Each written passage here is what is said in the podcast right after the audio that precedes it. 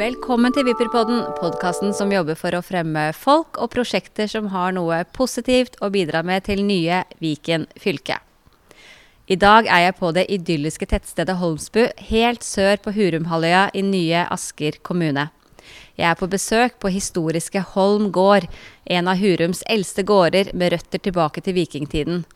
Herfra ser vi ned på Holmsbu sentrum og Drammensfjorden, og skimter den flytende badstuen til Kok nede i vannkanten. Jeg sitter her sammen med driver av Holm gård og daglig leder for Kok Holmsbu. En av Askers store kulturpersonligheter og fremragende forretningskvinner, Kristin Blikkfeldt. Takk for at jeg får komme på besøk til deg, Kristin. Veldig hyggelig. Veldig hyggelig at jeg får lov å få besøk av deg. Kan du starte med å fortelle litt om hvem du er, og hvor du kommer fra? Jeg er jo ikke født på gården, født i Drammen, men oppvokst her på Holm gård. Hatt hele min barndom her. Og um, har selvfølgelig hatt en liten periode i livet hvor jeg har vært ute på studier og bodd andre steder, men bodd stort sett her det meste av livet. Hatt en fin barndom med tradisjonelt landbruk og foreldre som uh, sto på hjemme på gården, og med besteforeldre i annen etasje. Så jeg vil si en uh, veldig fin uh, barndom i, i um, idylliske Hornsbo, som var noe helt annet på den tiden, selvfølgelig. Nå snakker vi 60-tallet. Ja, For når er det du er født? Jeg er født i 1961. Ja. Mm. Og du sier du ble født i Drammen, men det var bare sånn på sykehuset? det var bare på også. sykehuset. Og så var det hjem her. Ja, Kan du fortelle litt om eh, livet ditt? Du sier at du vokste opp her. Hvordan var det i Homsbu på 60-tallet? Da var det jo utrolig annerledes. Men det som er gjen gjenkjennbart, er jo dette med badegjestene. Ja. At uh, sommerhalvåret var det mye mer mennesker her. Holmsbu er et lite sted uh, med få fastboende og mange tilreisende turister. Og på den tiden så kom de jo utover gjerne med buss eller båt, eller små bobler med fylt randen med, med pikkpakk, og skulle være her ute på sommeren. Og da kom de gjerne i eh, slutten, altså sånn ved sankthanstider, og reiste hjem igjen når skolen begynte. Så det var jo badegjester her i, eh, på den tiden, men Holsbo var et, et sted med ganske mange flere butikker. Og mange flere spesialbutikker, sånn som melkebutikk og, og, og egen Altså i Holmsbo Handel, som det het den gangen, Handelslaget, der var det jo ferskvaredisk og sånn, så det var jo Og posthus hadde vi selvfølgelig. Men eh, Så et, et større samfunn, ikke noe særlig, særlig flere fastboende, men et, et mer Altså vi kunne på en måte nesten få alt her. Hvor mange er det som eh, bor her? Ja, det er vel eh, I Holmsbu så er det sånn 350-400 fastboende. og Med Kana og omgivelsene rundt så er vi sånn rundt 600, vel. Ja, Det er ikke så mange. Og det er jo, Men på sommeren, hvor mange er det da? Jeg har ikke tallet, men jeg tror vi kan gange det med mange, mange, mange. mange. Ja. Det er mange tusen. altså Vi har jo to campingplasser. Vi har sikkert over, kanskje over halvparten av Hurums uh, hytte, Mm. hytter er jo her på denne siden. Så, og pluss eh, en gjestehavn og masse dagsturisme. Så en dag her er, eh, er det ikke lett å finne seg en ledig krakk eller eh, parkeringsplass, for den saks skyld. Men eh, du har vokst opp på Holm gård. Kan du fortelle litt om eh, hvordan går det her er?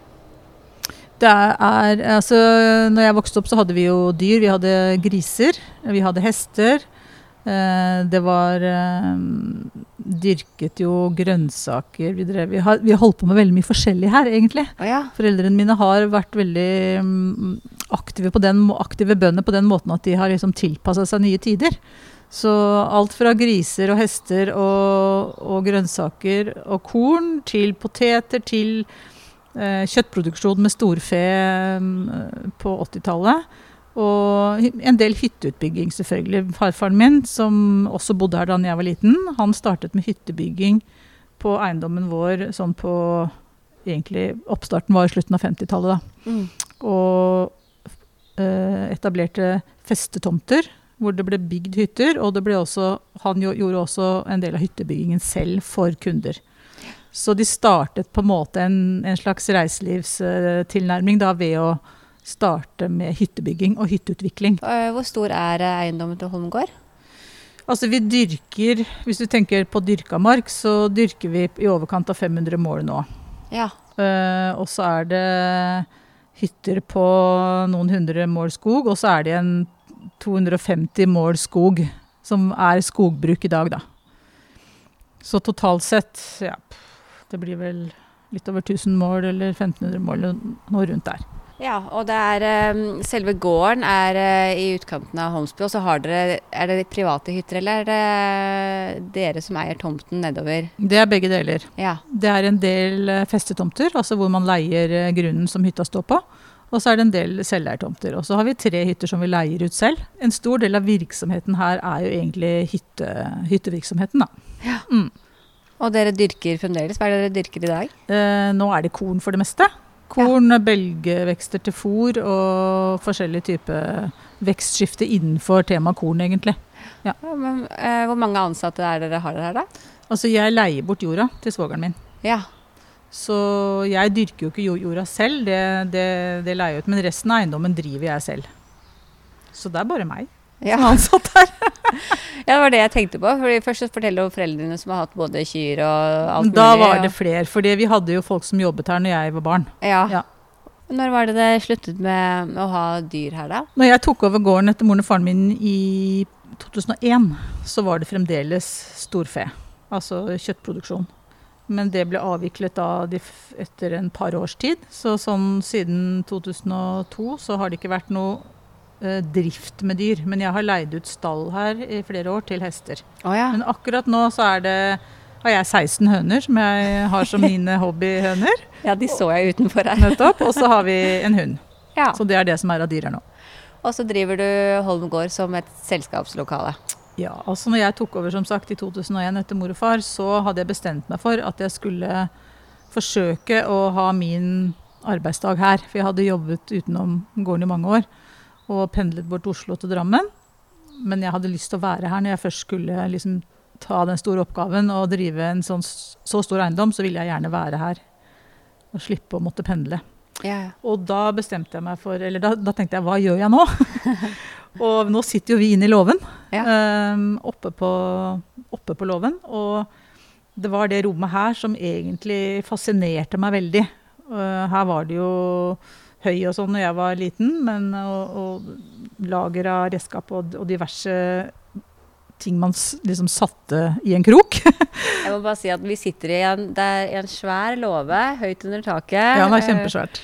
Og vi sitter i en 60-tallssofa, og det er egentlig det eneste som er her inne. Kan Akkurat du, nå, ja. ja. Ja. Nei, kan du beskrive lokalet litt? Ja, Lokalet er jo en veldig tradisjonell låve. Det er ikke gjort noen ting her. Eh, det eneste vi, jeg gjorde da, eller begynte med sånn i 2003 ca., det var å rydde og rydde og rydde og rydde og kaste og kaste og kaste og få liksom hele rommet tømt. Og så tok vi opp gulvet og gjorde litt sånn at det var sikkert. Og så fant jeg ut at uh, jeg hadde veldig lyst til å starte med kulturaktiviteter. Ja. Men den å få denne låven liksom tømt og ferdig, det var en ganske svær jobb, så Gjorde du det selv? ja, mor og far og mannen min og barn og alt ble kalt inn. Så vi holdt på i to vintre. Cirka to Ja. vintre. Ja. Men så starta vi med konserter ute. Jeg fant ut Før jeg får denne loven ferdig, har jeg lyst til å begynne. Så da starta vi med utekonserter. Og Odd Nordstoga var den første som eh, var, eh, spilte på, ute på turen Hvordan fikk du Odd Nordstoga Jeg ringte han, han, Ja.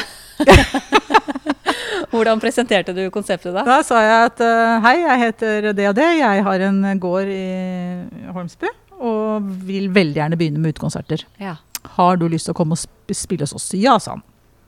Det er jo fantastisk. Og det var den sesongen hvor han hadde 'Grisen står og hyler'-slageren. Ja. Så vi, det var, kunne ikke vært bedre, og folk syntes dette var fantastisk moro.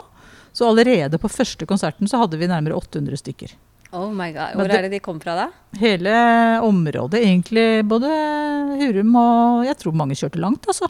For det var det der med konserter ute på en gård, det var ikke så vanlig. Ja. Nå er det blitt mange flere av det.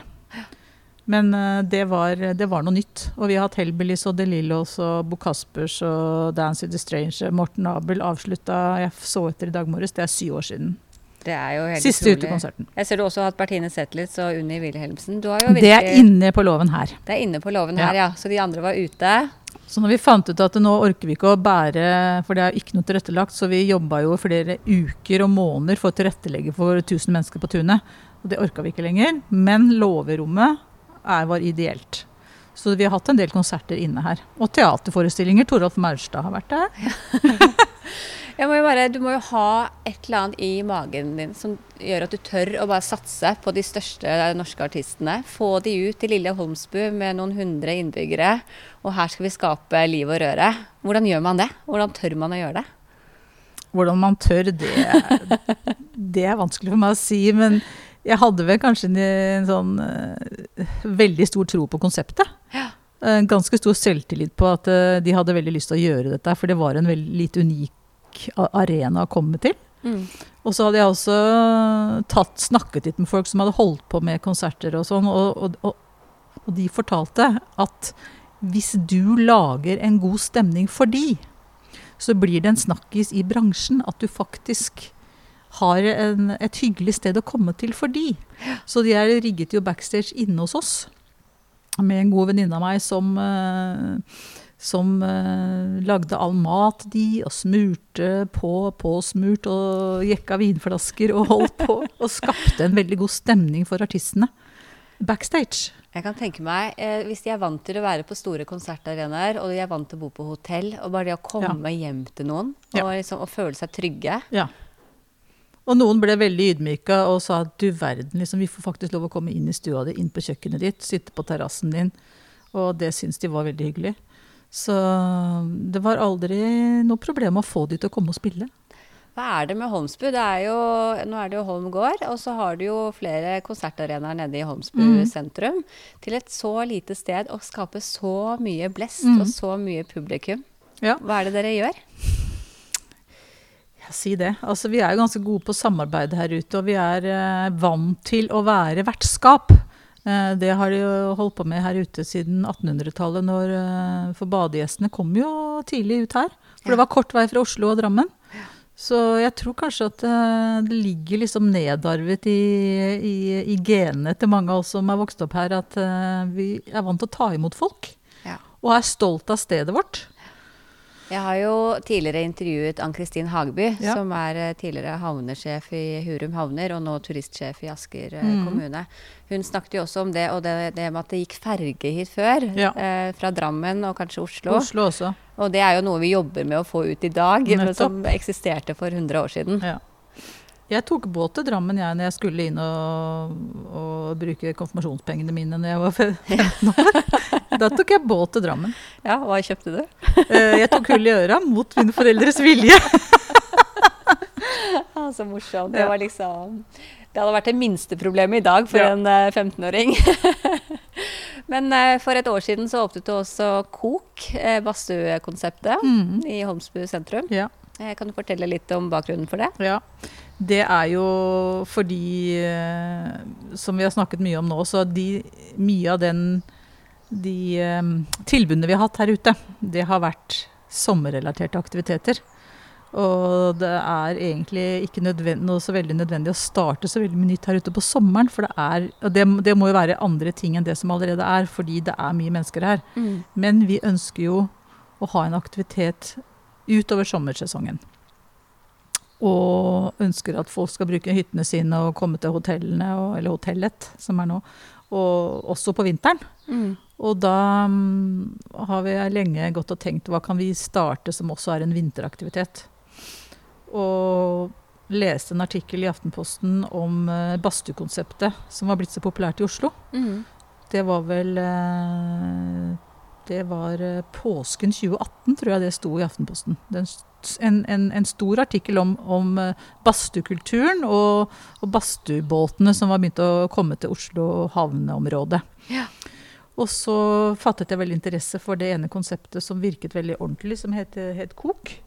Og tok kontakt med Først så hadde jeg en prat med de andre næringsdrivende her nede i Hånsbo, for jeg hadde jo egentlig en idé om at vi kunne drive det sammen. Ja. Alle sammen. Eh, eller noen som hadde lyst til å være med på det.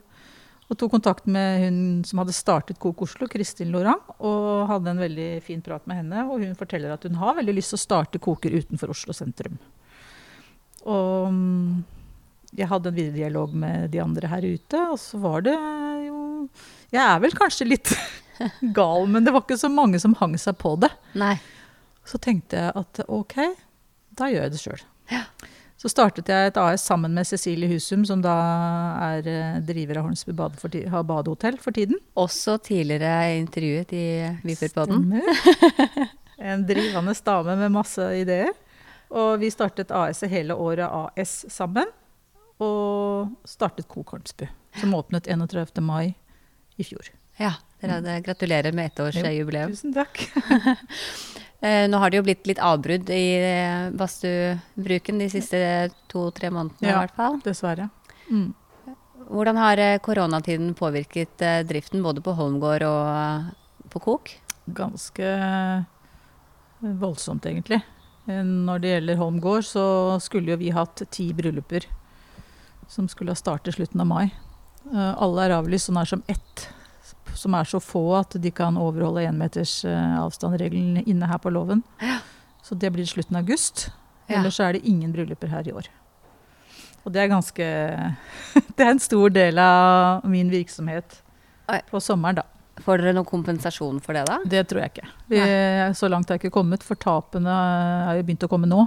Ja. Selv om konsekvensene skjønte jeg ganske tidlig, men det er i sånn regnskapsmessig så ser man det jo ikke før inntektene, slutter å komme, for å si det sånn. Og det er nå, da.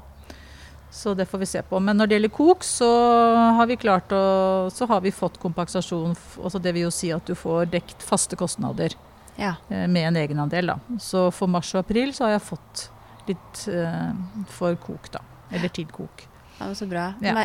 Merket dere noe um, større pågang på besøk til Holmsby i løpet av vinteren, da? Som en, grunn, som en bakgrunn i Kok? Ja, altså når det gjelder eh, konferansegjestene på, på hotellet, har jo vært veldig interessert i å bruke kok. Og så har vi jo hatt masse besøk av familier og enkeltpersoner som har kjørt fra Vestby og Ski og Holmestrand og Drammen, Svelvik, Asker for å komme og bade og ta badstubad, da. Ja.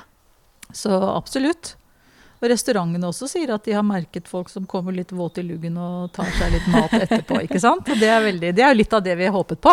Ja, for det er jo utfordringen da, på et uh, sommersted som eh, Holmsbu. At uh, hvis man skal ha, tiltrekke seg folk på vinteren også, så må jo ikke bare ko- Kok være åpent, men også restaurantene må Ja. jo være åpent. da. Ja, Og det har jo kanskje vært vanskelig av og til. Uh, ja, I januar, eller slutten av desember og januar så er det jo ikke så mye som oppe her. Nei. Men eh, etter hvert som Så jeg er en evig optimist. så vi går en ny vinter i møte med håper jeg at eh, vi har blitt enda mer kjent, og enda flere som har lyst til å komme, og som kanskje booker for vennegjengen sin og sånn. Sånn at det kan være mulig for ett sted da oppe, f.eks. da. Nå er det jo også åpnet eh, badstuer utenfor Oslo og andre Ja. steder også. Mm For F.eks. Valstrand, Sandvika, Drammen. Merker dere konkurranse derfra også? Jeg tror det bare er med å skape en større Større eh, blest rundt badstue? Ja, større interesse for det. Og folk eh, liksom har lyst til å Ok, vi har vært ganske mange ganger inne i Bjørvika og sett bort på operaen, nå har vi lyst til å sitte og se utover Drammensfjorden. Ja. og reise hit, ikke sant. For de kanskje ikke har vært her før og sånn. Nei, ikke Så jeg tror det er bare med å skape en interesse for å reise litt rundt, da. Ja, det, absolutt. Mm. Eh, Holmsbu omtales jo lokalt som vårt nærmeste ferieparadis for folk i Oslo og Drammen. Eh, I år skal, de aller fleste nordmenn feriere i Norge. Eh, hvordan tror du sommeren 2020 blir sammenlignet med tidligere år?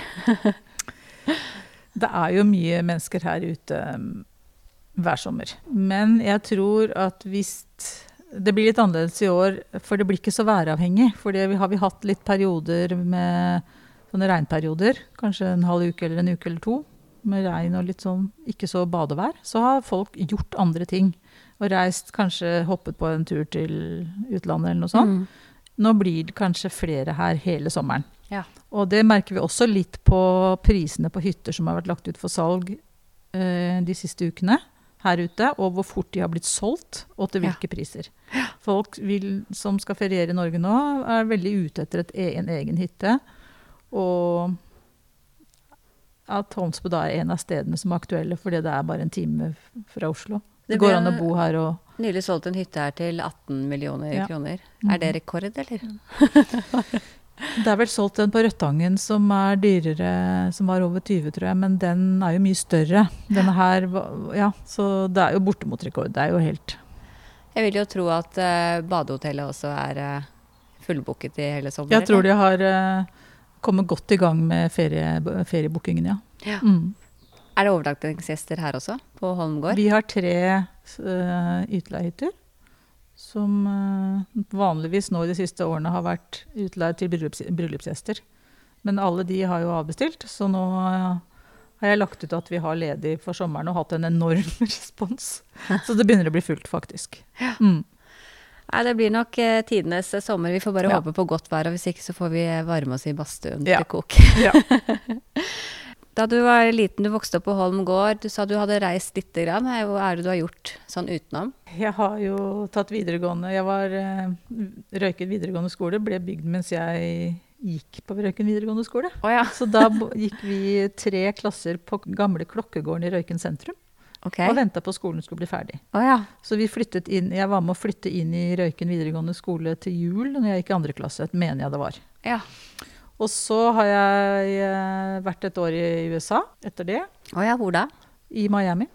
Neimen, hva Mm. gjorde du der? Nei, der var jeg au pair og hadde det moro. Altså, jeg må jo Sammen meg venninner. Miami på 80-tallet. Må Ja. jo ha vært eh, Det var ganske morsomt. det var- Hvilket år var det du var der? Jeg var der vel i 1981. Ja, Mm. det er det, det året jeg ble født. Ja, akkurat. Men jeg var i Miami i 1987 da. Ja. Ja. Men du valgte å komme hjem igjen og Ja, jeg. fortsette på Holmgård? Det gjorde jeg. Så jeg tok jeg eh, landbruksutdanning. eh, Først agronom, og så har jeg tatt husstell, og så har jeg tatt eh, tre og et halvt år på mm, en rart antall år, men sånn var det da, på landbruksøkonomi i Ja. Steinkjer. Oh, ja. Og så begynte jeg å jobbe på no, den gangen het noe som het Landbruksdata i Oslo, i Sveigårds gate, i Landbrukets hus. Oi, Der det var jo også et sted å ha landbrukets hus. Ja, det, var, det, men det er Landbrukets hus fremdeles, det. Oh, ja. Så der eh, jobbet jeg i fem-seks år med dataprogrammer for regnskapskontorer, og var veldig tidlig med å lære meg PC. Å ja. For det var jo ikke så mange som hadde hjemme da, men regnskapskontorene hadde jo PC da fra ja, 86-87. ja. Så det har jeg vært kjempeheldig og lærte meg PC veldig godt veldig tidlig. Og etter at jeg jobbet der, så begynte jeg i bilbransjen. Og Mm. jobbet ni år hos Toyota Norge i Drammen, bilimportør. Oh, ja. Med PR, eh, bil-PR i Norge, da. Og reiste rundt i Europa med biljournalister. ja, men så kult Så det var gøy, vel, kjempegøy og Ja. veldig lærerikt. Så da har du jo fått reist veldig mye, samtidig som du har fått en god, solid bakgrunn for å drive en gård, da. Og lært eh, mye fra, fra forskjellige sider, fra, fra forskjellige vinklinger. Vant til å være, tenke litt sånn markedsmessig tankegang, og veldig glad i å, å jobbe med mennesker, da. Ja. Så det var jo derfor jeg også hadde lyst til å invitere mennesker inn på gården. ja. At det, det lå meg veldig naturlig på en måte, da. Vil du si at du lever av lidenskapen og drømmen din? Det syns jeg er så stort spørsmål. Men kanskje det at jeg, at jeg ser muligheter og griper de, Ja, er vel kanskje en sånn ting. ja det slår meg litt òg. At du er veldig innovativ og uredd. At du bare tar sjansen for det du tror på, det du ser foran deg, rett og slett. Ja, og det jeg brenner for, det, det ønsker jeg hvis mulig å sette ut i livet. da. Det er jo noe med det. Så det kan du jo si er å leve ut drø- drømmen, eller leve drømmen, da. Ja. Um, Vipperpodden handler mye om å bli kjent med lokalområder i hele Viken. Eh, hva vil du si at er det fineste med Holmsbu? Jeg vet det er et vanskelig spørsmål. Ja, det er også et veldig stort spørsmål, da. Ja. Det, men eh, hva skal jeg Hvis, si? har, hvis du hadde hatt to timer i Holmsbu, hva ville du gjort? Hva jeg ville gjort? Ja. Eh, Jeg må bare svare litt først, fordi jeg tenker at Holmsbø er jo et veldig lite sted med lang historie. Men samtidig så er det jo veldig urbant. Mm. Fordi at eh, det er mange som har kommet eh, og bosatt seg og startet ting som, eh, som er litt sånn Det er litt urbant og litt framoverlent. Ja. Så hvis jeg hadde hatt to timer her, så ville jeg nok gått meg en tur i Holtnesdalen og fått med meg litt natur rundt. Mm. Og så ville jeg gått på Håndsbo Bildgalleri og sett på For det er, det er fantastisk. Bygget i seg selv og galleriet med de maleriene til Henrik Sørensen og Sø, på malerne som de kaltes. Og så ville jeg gått og satt meg på bryggekjøkkenet og tatt en is, og så spist eh, altså, Jeg ville vært innom alle stedene og bare sugd inn atmosfæren, men sitte liksom litt ned på kaia og, og se på livet. Ja, Det høres ut som eh, to deilige timer. Jeg vet at det er eh, masse å ta av. Ja, det er det det er, så jeg Ja. kunne sagt veldig mye mer. Men det vil jeg også kanskje bare avslutte og si at det, hvis noen skal ta den turen, så oppfordrer jeg litt Kom utenom sommeren. Ja. Kom på tider hvor det er roligere her, og, men samtidig minst like fint. Og like fint lys og atmosfære. Så kom en dag i september eller en dag i april, eh, eller midt på vinteren for den saks skyld. Jeg drev jo med langrenn da jeg var barn, oh, ja. så det er jo vinter i Hornsbo. ja, er det det? Ja, det er det. Er det skispor? Ja, det kan det være. Hvis det er snø, så er det skispor. Jeg syns jo Jeg har vært der mye selv, og jeg syns jo Holmsbu ofte er litt finere utenom uh, hovedsesongen. For Mm. da er det færre mennesker også. Ja. At det er, du finner den roen. Ja. Og tror du Det pleide å være en eh, gammel kunstnerkoloni her ute. Mm. Eh, tror du det også har påvirket samfunnet Mm. eh, på måten det er i dag? Det tror jeg, fordi de, de tok med seg litt av susen fra Europa. De, flere av de hadde jo vært i Paris og, og rundt omkring og, og lært seg malerkunsten. Og de hadde venner som kom ut her og var med de i sommermånedene og ukene og hadde det sosialt og hyggelig og, og tok med seg litt av den kulturen. Fordi de, de ble veldig godt mottatt av, av, av de fastboende. Mm. Uh, Henrik Sørensen hadde jo mange gode venner av de fastboende, også de andre kunstnerne. Så jeg tror faktisk det med, har vært med å prege Holmsbu i, eh, i årene etterpå. Jeg må si, Henrik Sørensen, jeg visste ikke hvem det var, før jeg nylig så at han hadde også malt eh, Festsalen i Oslo rådhus. Ja, Og da skjønte jeg hvem det var. Og han Mm. har jo noen fantastiske malerier. veldig. Det er, eh, det er, jeg har jo vært der ute på, i Billedgalleriet ut, utall ganger, men jeg blir like begeistret for å si det sånn, hver gang jeg kommer dit. altså. Ja. Å komme opp der og gå inn og virkelig sette seg der og se på alle de bildene, det er, det er en skatt. Ja, det er en skatt. Mm. Ja, det er noe unikt med hele Holmsbu. Det er en skatt, eh, hele samfunnet her. Nå er eh, Holmsbu en del av Asker og Viken. Eh, du ser også på Holmsbu som urbant, som du sa. Eh, hvordan tenker du at Holmsbu sin rolle blir i nye Asker og nye Viken? Jeg håper jo at det blir ehm, At vi får beholde på en måte den uh, særpreget og kunne stå fram som eh, en, en kultur, eh, et kultursted. da, Hvor Mm. det er utstillinger og gallerier, og hvor folk drar for å, for å få med seg både kultur og historie, kanskje. Og at vi får muligheten til å beholde næringslivet, at vi kan være levedyktige året rundt da, med det næringslivet som er her. Og mm, legge til rette for at kanskje flere kan flytte hit. Vi vil jo ha fastbo nå, det har jeg tenkt litt med Kok. Uh, Flåten òg, at eh, det skal være noe å gjøre når man kommer tilreisende hit. Men kanskje det kan gjøre det enda mer attraktivt å bo her også. Ja. At familier eller eh, folk kan komme og se verdien i å bo på et sånt sted. Jeg ser absolutt eh, verdien i det, men jeg tenker eh, transport Ja. tror jeg er et nøkkelord her for Mm. å få fastboende. Eh, Nå jobbes det jo med å få ferge ut dit, men det er nok eh, på lang sikt. Mm. Altså det med kommunikasjon, offentlig kommunikasjon har vært en kjempestor og vanskelig sak her i mange, mange, mange år. Og det er ikke lett å komme med buss fra Oslo. Nei, det tar tre timer. Det tar tre timer. Drammen er noe enklere, men eh, jeg vet at det jobbes med å få til at det skal være enklere å komme inn til nå kommunens eh, sentrum, som er Asker, da, på en måte. Ja. At de linjene skal bli enklere, og da er det jo lettere å hoppe på et tog fra Asker igjen. Jeg vet de lanserte nettopp nye bussruter. Ja, eh, det har jeg 1. også fått med meg, ja. Hvor du skal gå direktelinjer inn til Asker Nettopp. sentrum. Og da vil jo Oslo komme litt nærmere, eller Asker og Oslo, da.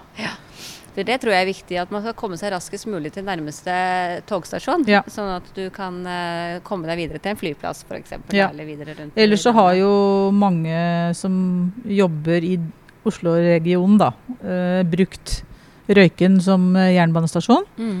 Og etter Oslofjordtunnelen kom, så er det jo mange som kjører den veien. Så Ja. sånn sett er det jo raskere å komme inn til byen egentlig, hvis man tenker Oslofjordtunnelen, da. Nå er jo Holmsbuen eh, midt i smørøyet for Viken, Ja. eh, sånn sett. Ja. Eh, ved at det er jo bare en tunnel over til andre siden. Mm. Ja. Er det noe du ønsker å si til folk i eh, Viken? Jeg syns eh, Nå har vi jo fylkesordføreren fra Hurum, da. Og han snakket jeg med senest for eh, noen få dager siden. Roger Ryberg. Ja.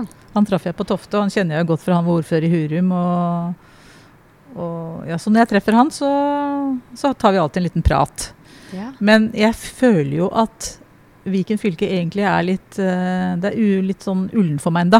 Jeg, jeg vet ikke helt um, hvordan jeg skal kunne få gripe an akkurat det. Men uh, For jeg syns det er veldig stort og veldig uangripelig, egentlig.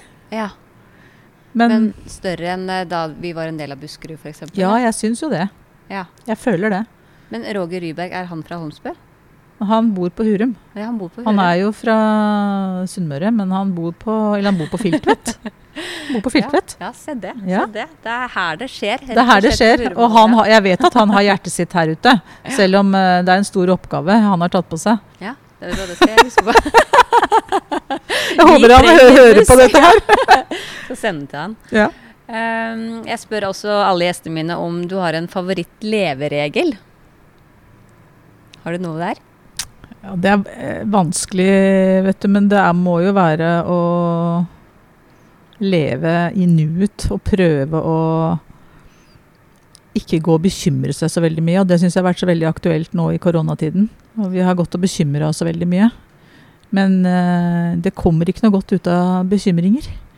Så prøve å se positivt på det. Og jeg er så utrolig glad for å kunne sitte og høre på fuglesangen og, og se utover sjøen og liksom ta til seg de eh, gledene fra naturen. For det er så berikende inn i, inn i hverdagen. Det tror jeg må være min leveregel. Den, den, den, den, jeg kjente den kom veldig impulsivt. Ja, og jeg kjente den helt ned i magen. Det Ja. var veldig, veldig naturlig og veldig, veldig fint. Um, tusen takk for at jeg fikk komme og snakke med deg, Kristin. Veldig hyggelig å få snakke med deg. Tusen takk. Til deg som lytter til Viperpodden, vil jeg sende en stor takk. Jeg håper du har glede av å bli kjent med bra folk, lokaliteter og prosjekter i hele Viken fylke. Viperpodden produseres av Viken PR, og mitt navn er Kaja Høgås.